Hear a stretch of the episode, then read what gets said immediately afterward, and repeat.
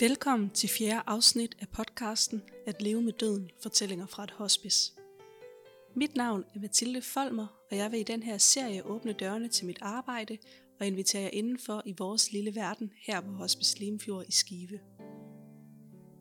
Jeg bliver tit spurgt om, om det ikke er sørgeligt at arbejde på et hospice. Den tanke kan jeg godt forstå. Men sådan oplever jeg det ikke. På hospice er det nemlig først og fremmest livet, der fylder. Her er alle følelser til stede, og facaden er ubetydelig. Man møder hinanden som de mennesker, vi er. Det synes jeg er nærværende og livsbekræftende. I det her afsnit kan du møde Jens, der er en modig pårørende, der deler sin historie og oplevelse af at være pårørende til en, der er på hospice.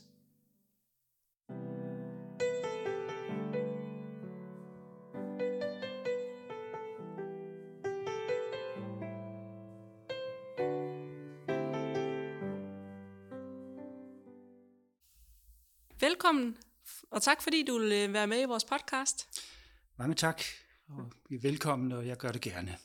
Vil du prøve at fortælle lidt om, hvem du er? Ja, jeg har nær sagt bare, at jeg vidste. Men øh, jeg er 74 år, bor i Viborg og er uddannet arkeolog og palynolog, som er læren om pollen og sporer. Og det har jeg så arbejdet med på Aarhus Universitet. Og, men det kunne ikke rigtig blive til noget fast, så øh, ved et tilfælde kom jeg i restaurationsbranchen. Okay. Og øh, var der i nogle år og endte som øh, restaurantchef i Aarhus. Og øh, så skete det, at den restaurant, jeg var chef for, den, øh, den øh, blev solgt, og jeg, og jeg blev ikke solgt med. så, øh, så, så jeg øh, søgte ind på øh, arbejdsformidlingen, som det hed dengang, som konsulent. Nu hedder det jobcenter. Og fik et job der i Viborg.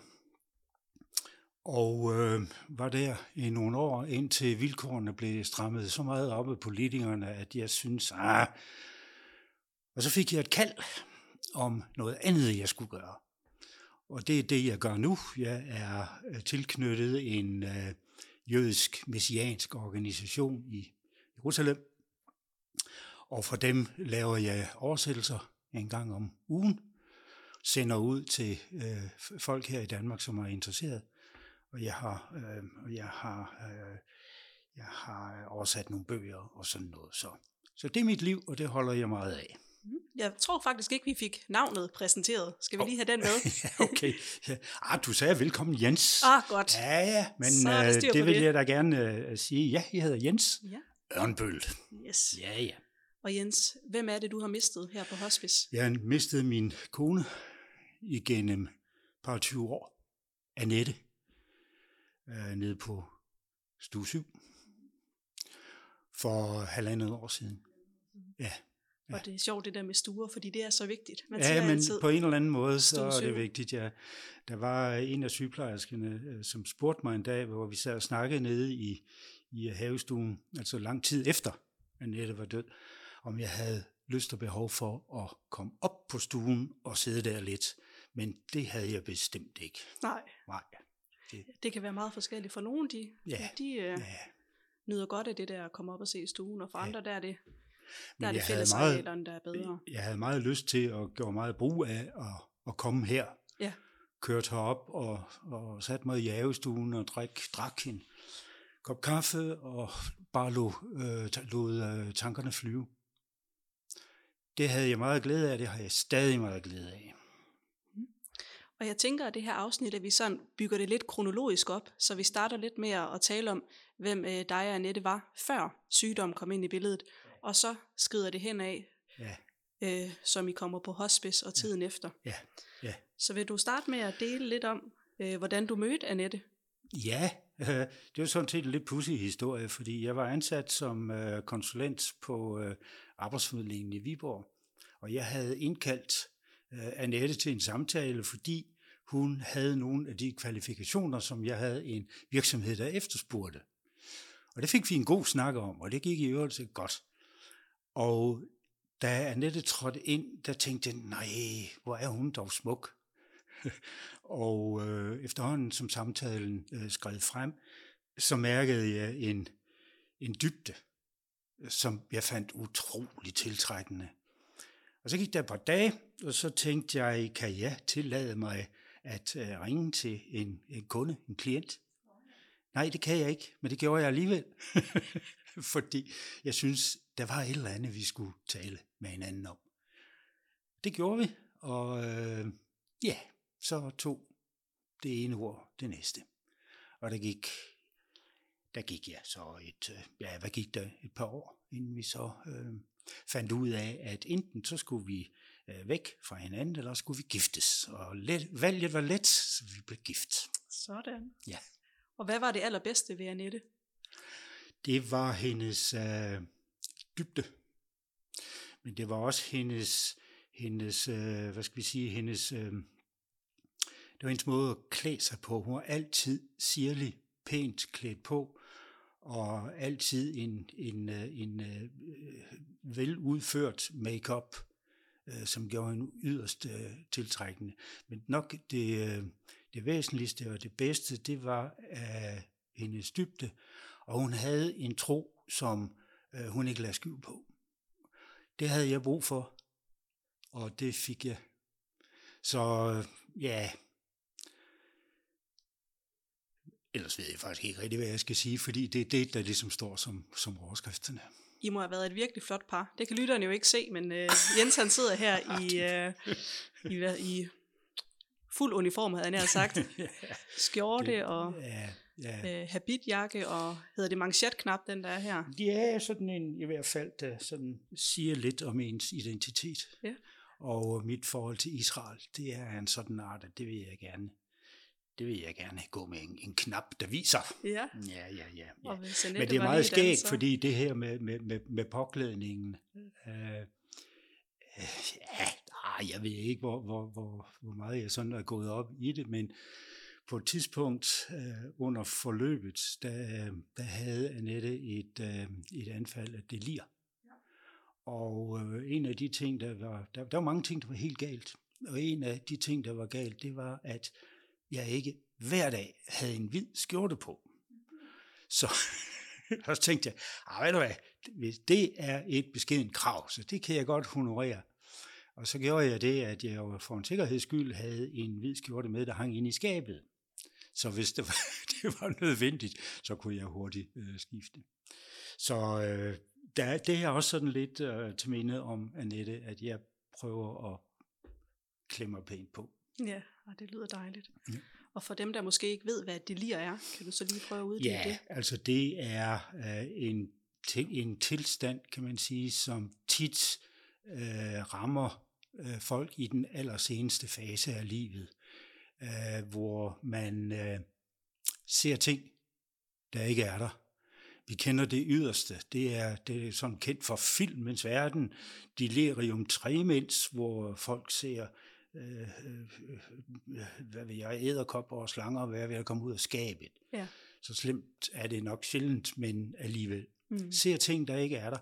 Jeg kan huske en dag, det var første gang, jeg oplevede det, at Annette sagde, det var den dag, eller dagen efter Uffe Ellemann var blevet begravet i Holmens Kirke, eller hvor det nu var.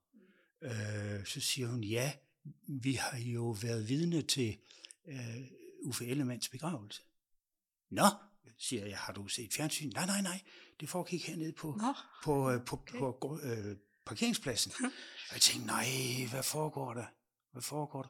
En anden gang sagde, vi sad og delte en sodavand, så siger Annette, nu skal du lige levne lidt til den lille fyr der. Jeg sagde, hvad for en, hvad for en lille fyr? Jo, men det var så øh, Marius, vores barnebarn, han stod bag ved min stol. Ikke? Og der gik det op for mig, at der var noget rivegalt. Ja.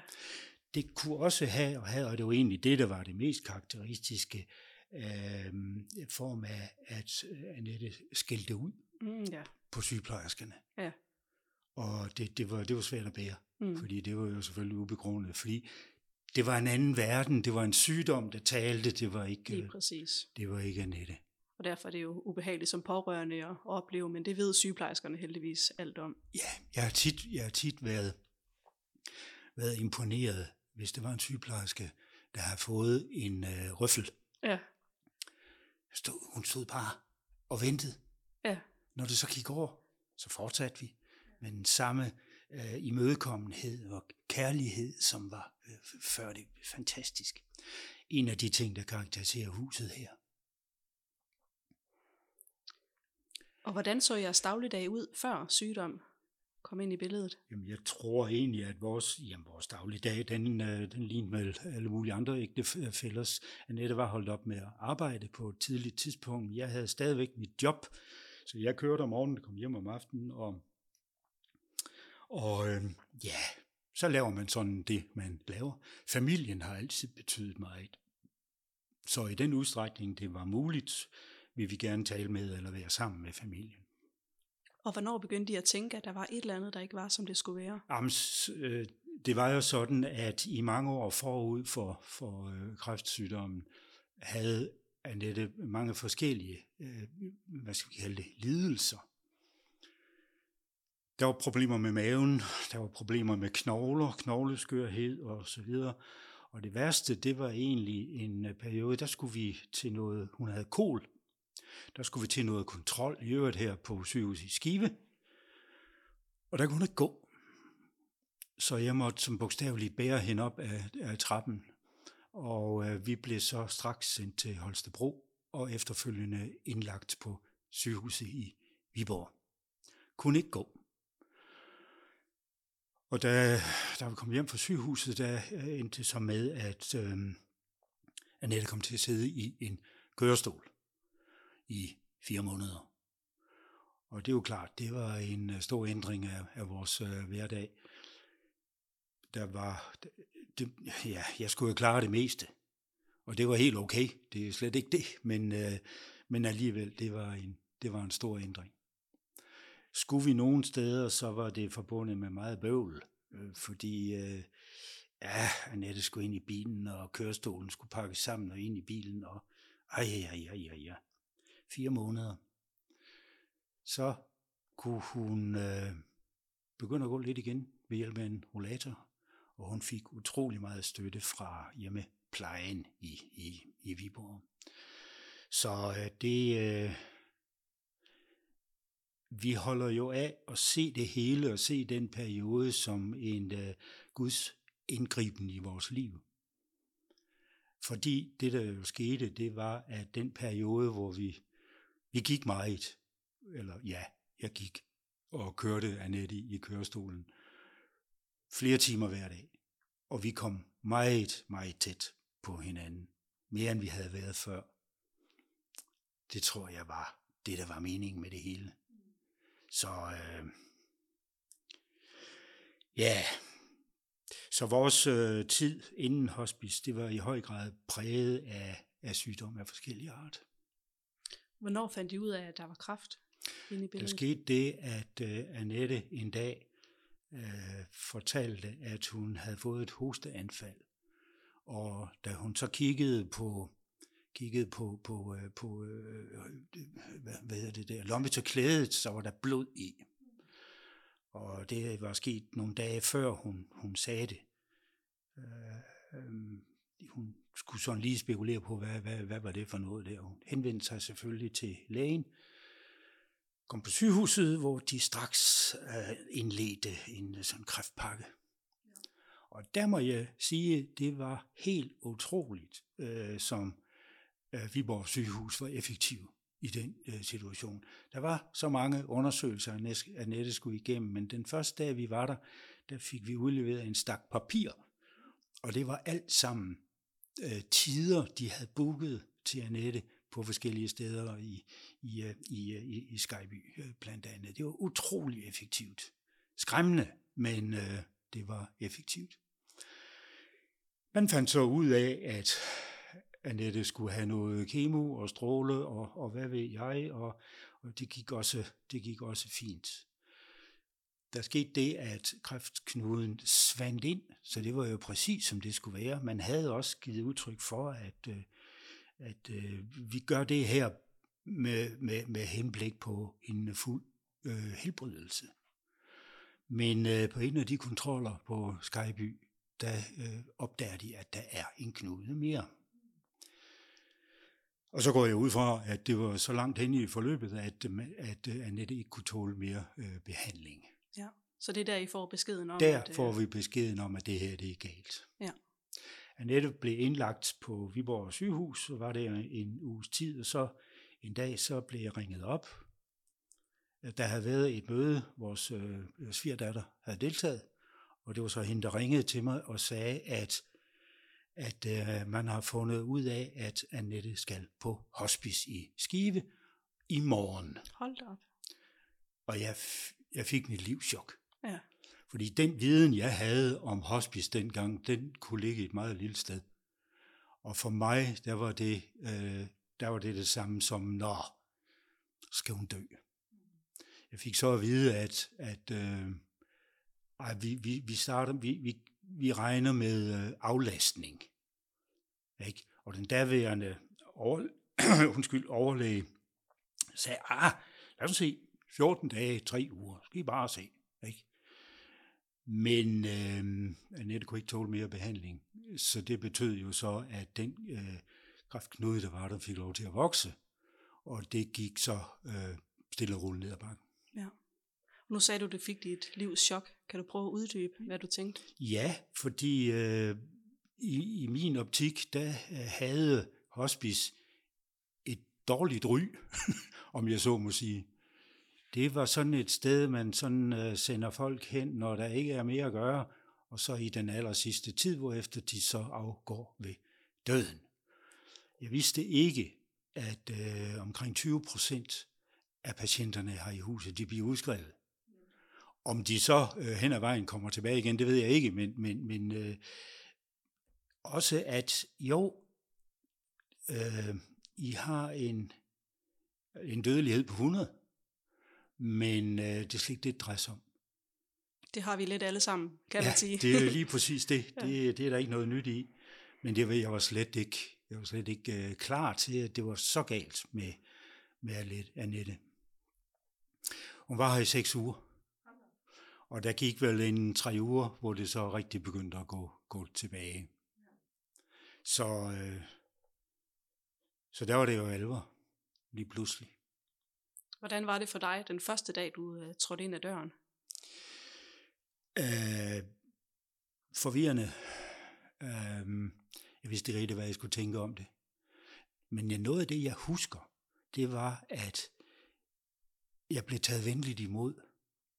Altså folk var utrolig søde, velkommen til, og så videre, og så videre. Og den derværende øh, receptionist fulgte mig op på stue 7, og der var et stort personale til stede, og vi snakkede stille og roligt om det. Og, og jeg synes egentlig, at, at det gav mening, at øh, nu kunne øh, Annette være her, og så stille og roligt vil hun blive rask.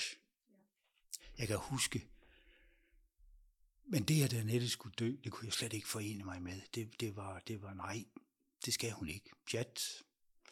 Jeg kan huske, at jeg på vej op af trappen øh, mødte en lille pige på, ja, hvad ved jeg, til 12 år. Hej, siger hun så. Hvad hedder du? Jeg hedder Jens.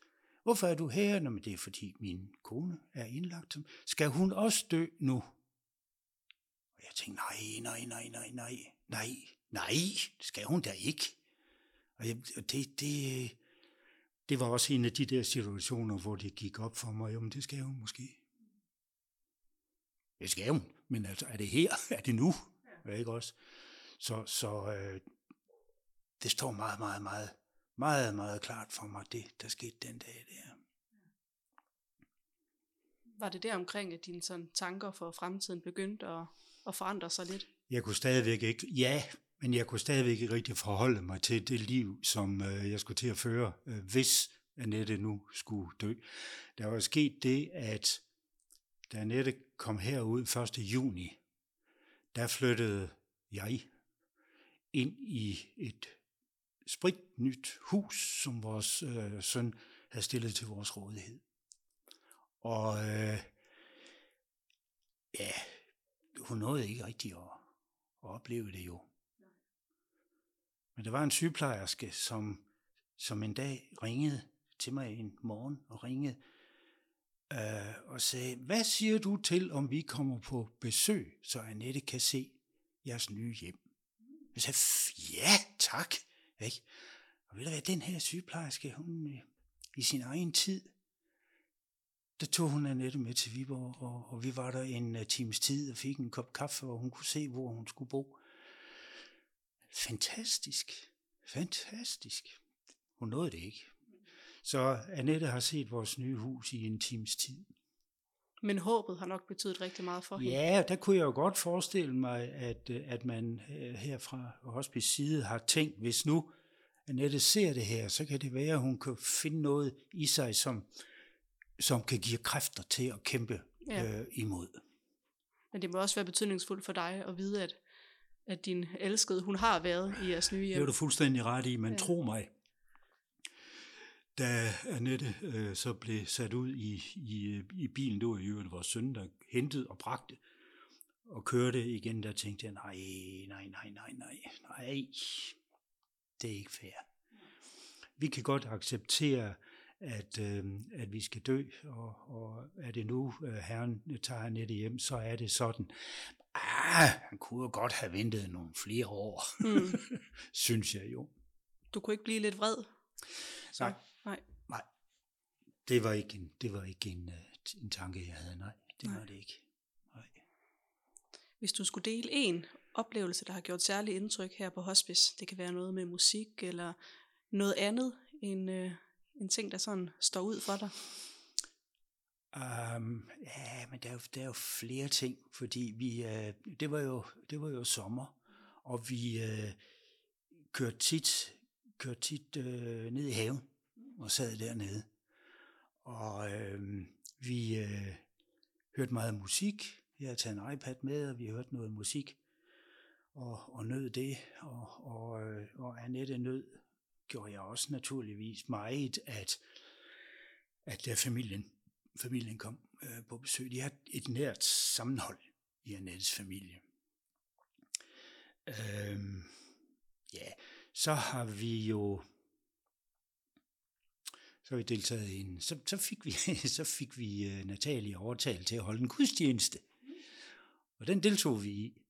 Og vi deltog i nogle øh, sådan små øh, sangarrangementer nede, hvor, jeg, hvor Julie øh, spillede, og vi sang af, af, af hjertens lyst. Og det var dejligt. Det var det. Men om, om, jeg sådan, om der sådan er en, Det er nogle fine eksempler. en enkelt, ja, Ja. men om øh, det, men det, og så selvfølgelig det, der, det, der er, er står ovenover det hele, det er selvfølgelig det øjeblik, hvor Annette dør. Ja. Det, det siger sig selv. Men vi havde sådan en, øh, jeg sov her, jeg boede her ikke. Nej. Jeg kørte hjem om aftenen, så kom jeg igen sidst på formiddagen. Og vi havde et fast schema. Når jeg så kom, så skulle vi øh, sove middagssøvn. Annette i sin seng, og jeg i den gode stol. og det var da hyggeligt. Det var da hyggeligt. Så, ja. Vil du fortælle lidt om de sidste, de sidste levedøgn? Sagde du, det var en af de ting, der står ja, skarpest. altså det, det var sådan, at øh, Annette havde fået det, øh, fået det dårligt sådan i stigende grad. Og øhm, øh, øh, dileren, øh, deleri, dileren ja, øh, var, var tit til sæde, og, og der var uro, og man kunne mærke, at Annette, øh, jeg ved ikke, om hun havde ondt, det sagde hun nej til, men, men øh, var urolig. Heine, vores søn, besluttede sig til, at han ville blive her om natten. Og han sagde, at det var så forfærdeligt. Annette havde det så dårligt. Øhm, næste dag, der var hun på samme måde øh, meget, meget urolig. Ikke særlig kontaktbar. Øhm, øh, men den følgende nat, der havde øh, Heine bedt om, at han, vores søn, øh, bedt om, at han igen kunne blive der. Og der var der så, øh, der var der så meget en ro, at han, at han øh, også fik ro indvendigt, velvidende, hvad der var der ved at ske. Jeg kørte ud om morgenen, og hun sov. Og, en, og øh, den nærmeste familie var til stede. En af de ting, Annette havde bedt til sin Gud om, det var, at, han, at hun kunne øh, dø ind, hvad hedder det, sove ind i døden, skal ja. Ja. jeg sige. Og det gjorde hun Nej, hvor godt. klokken halv 11 Klokken halv elleve. Om formiddagen. om formiddagen. Om formiddagen. Og så skete der det, og det, det er sjovt nok, øh, det, det, det, har vi, det har vi snakket en hel del om, fordi lige da Annette døde, der, øh, der fløj der en, en, øh, en øh, sommerfugl ind på stuen og fløj rundt derinde. Wow. Og det noterede vi også selvfølgelig.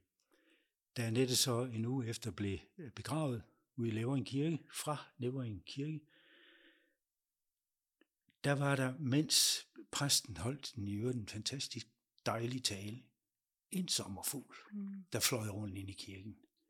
Og, og det, øh, jeg, jeg ved ikke, om, om, om øh, pastoren blev bragt ud af fatning, men der, jeg kunne i hvert fald se blandt, blandt deltagerne i kirken, der var mange, der lige, der lige noterede sig.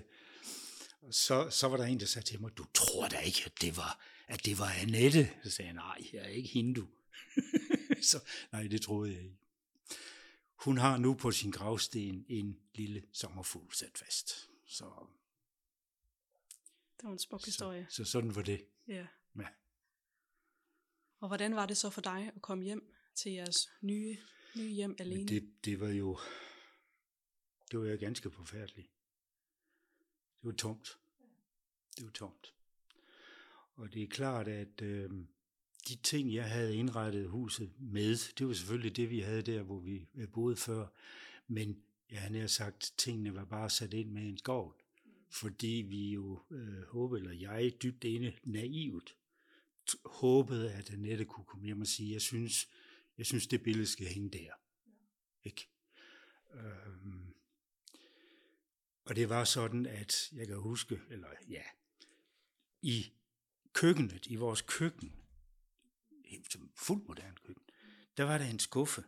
Og den skuffe, den var indrettet sådan, at, at alle ting naturligt havde deres plads i den her skuffe. Og jeg vidste, at Annette ville have elsket den der skuffe. Og det betød så, at øh, jeg kunne næsten ikke få mig selv til at bruge den. Fordi når, når jeg trak den der skuffe ud der, så tænkte jeg, nej, Annette, ikke? Og sådan var der, sådan var der mange ting. Jeg ville så gerne, hun havde, hun havde oplevet vores nye hjem. Skråt overfor, der bor øh, barnebarn Mads sammen med sin familie og deres nyfødte, nyfødte Marius, som jo så var vores oldebarn.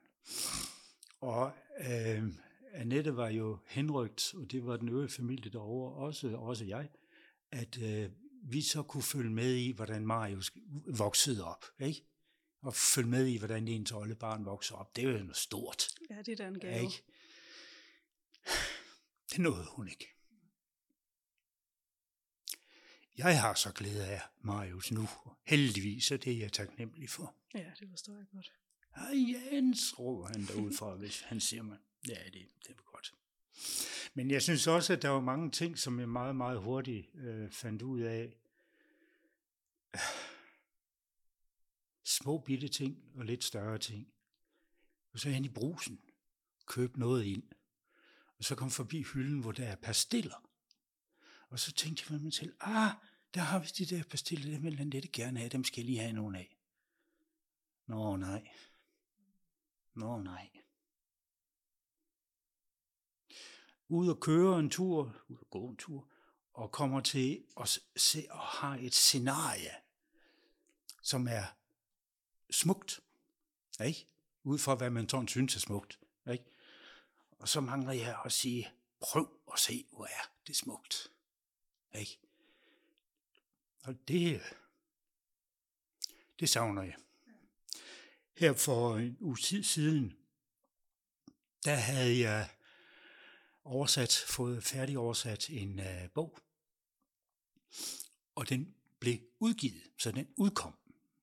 Og så sidder man så sad jeg med den her bog, ikke? og det var jeg jo glad for, at det var en større opgave.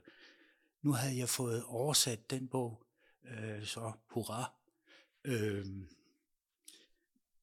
Hvem skal man lige skole Hvem- med? hvem skal man skåle med, ikke? Ja, sådan er der mange ting. Og det er nogle flotte billeder, fordi man tænker jo ikke lige over det med skuffen eller pastiller. Altså det er også sådan nogle helt almindelige hverdagssituationer, man ikke lige ved, hvornår man... Og jeg synes, det er Det er der, det virkelig rører. Ja. Uh, indbudt til fødselsdag hos familien. De er der alle sammen, undtagen en. ja. Så bliver det tydeligt. Eller, hvis det kun er mig, der er inviteret, så kan jeg køre hjem til Annette og så fortælle, ej mand, hvor var det godt. Ja. Ikke også? Det har så også betydet, at jeg sådan øh, griber mig selv i at holde lidt igen om, hvad jeg, hvad jeg gerne vil være med til. Ja. Til gengæld, til gengæld, så er jeg begyndt at spille golf, Oh. og forsøger efter bedste evne at øh, øh, se ud på golfbanen, som om det ikke er helt skidt, det jeg foretager mig. Men det er dejligt. Det er dejligt. Fordi der, der er man nødt til at koncentrere sig. Det kan ikke nytte noget, at øh, man, nej, det, så går det helt skidt. Det kan det godt gøre alligevel, men man skal koncentrere sig.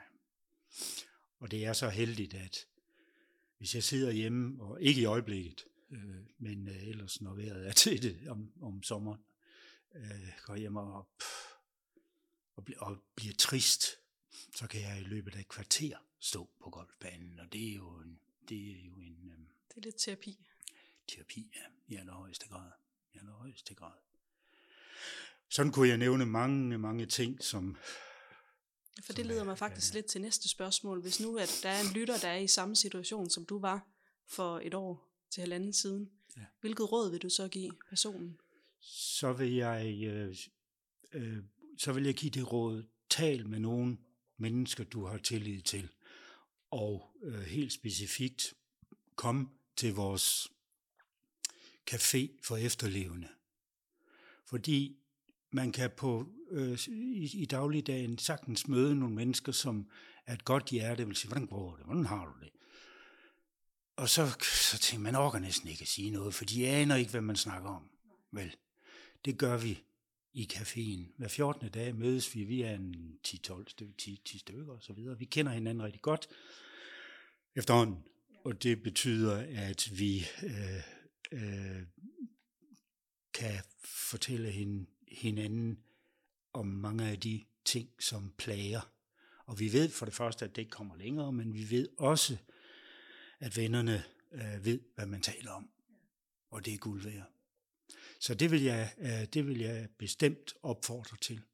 Og for dem, der ikke ved, hvad caféen er, så kan vi lige sige, at det hedder Café for Efterlevende, og er noget, man Ja, kan mødes til Det er, her på hospice. det er rigtigt. Det er hver anden torsdag fra klokken halv fire til klokken fem. Og øh, det, er, det, det er rigtig, rigtig godt. Jeg ved, at Folkekirken også har sovegrupper i de fleste sovne. Og øh, det er der nogen, der siger også er godt. Det kan jeg ikke, det kan jeg ikke sige, fordi jeg har ikke prøvet det. Men øh, det er selvfølgelig en anden mulighed. Ja, hvis man nu Men bor her- et, et andet sted, så, så er det i hvert fald et sted, man kan opsøge. Helt sikkert. Og øh, øh, en kommer fra Hurup i Mhm. Thy, og, og så videre, så videre. Og vi har adskillige øvrigt, der kommer fra Viborg, så det, det, er, det, det er et spørgsmål, om man vil øh, køre, køre efter. Men det er også sådan, at øh, i, i caféen der, vi kan, vi kan, så får vi en kop kaffe og en flødekaramel og en småkage, og så, men vi, så hygger vi os faktisk. Selvom det, er, selvom det er dybt alvorligt, grunden til, at vi er her. Vi hygger os. Og vi kan sagtens øh, grine sammen. Vi kan sagtens fortælle en vidighed, hvis, hvis, øh, hvis det er det, der, der ligesom trykker på leveren. Så, så det, det er, jeg glæder mig hver eneste gang. Det er helt sikkert. Så det skal være min anbefaling. Så har jeg talt lidt med Natalia, som er vores præst her, Ja, fordi hun sammen med sygeplejersker har caféen. præcis. Og hun siger, at jeg skal spørge dig om, hvad du bærer med fra Annette, som du aldrig kan miste. 20 år af mit liv. 20 år af mit liv. Plus at Annette var øh, dybt troende.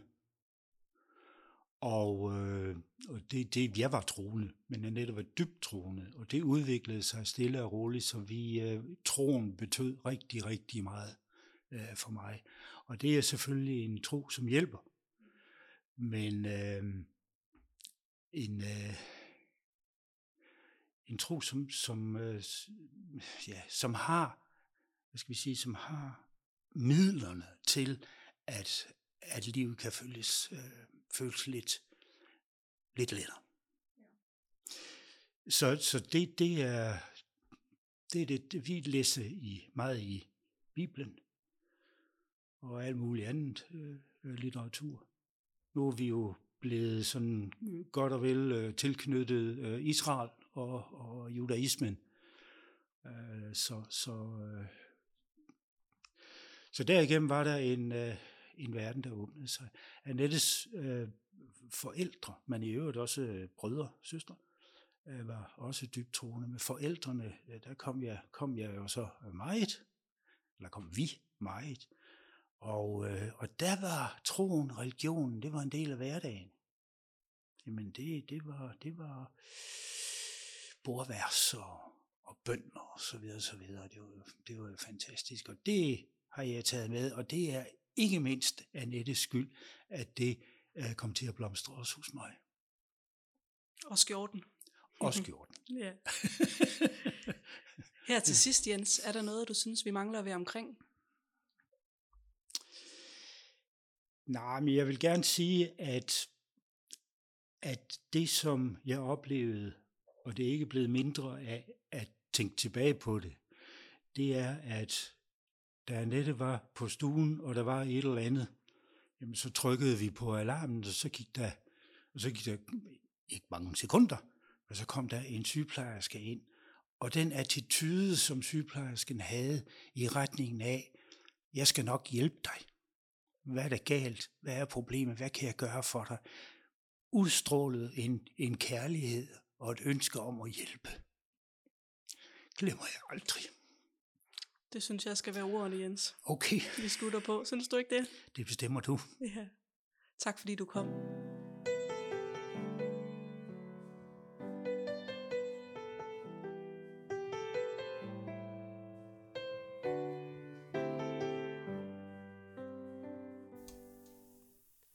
Du har lyttet til fjerde afsnit af podcasten At leve med døden, fortællinger fra et hospice.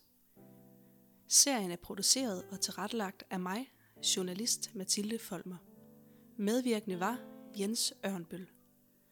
Musik og lydredigering er lavet af Lars og Mikkel Folmer.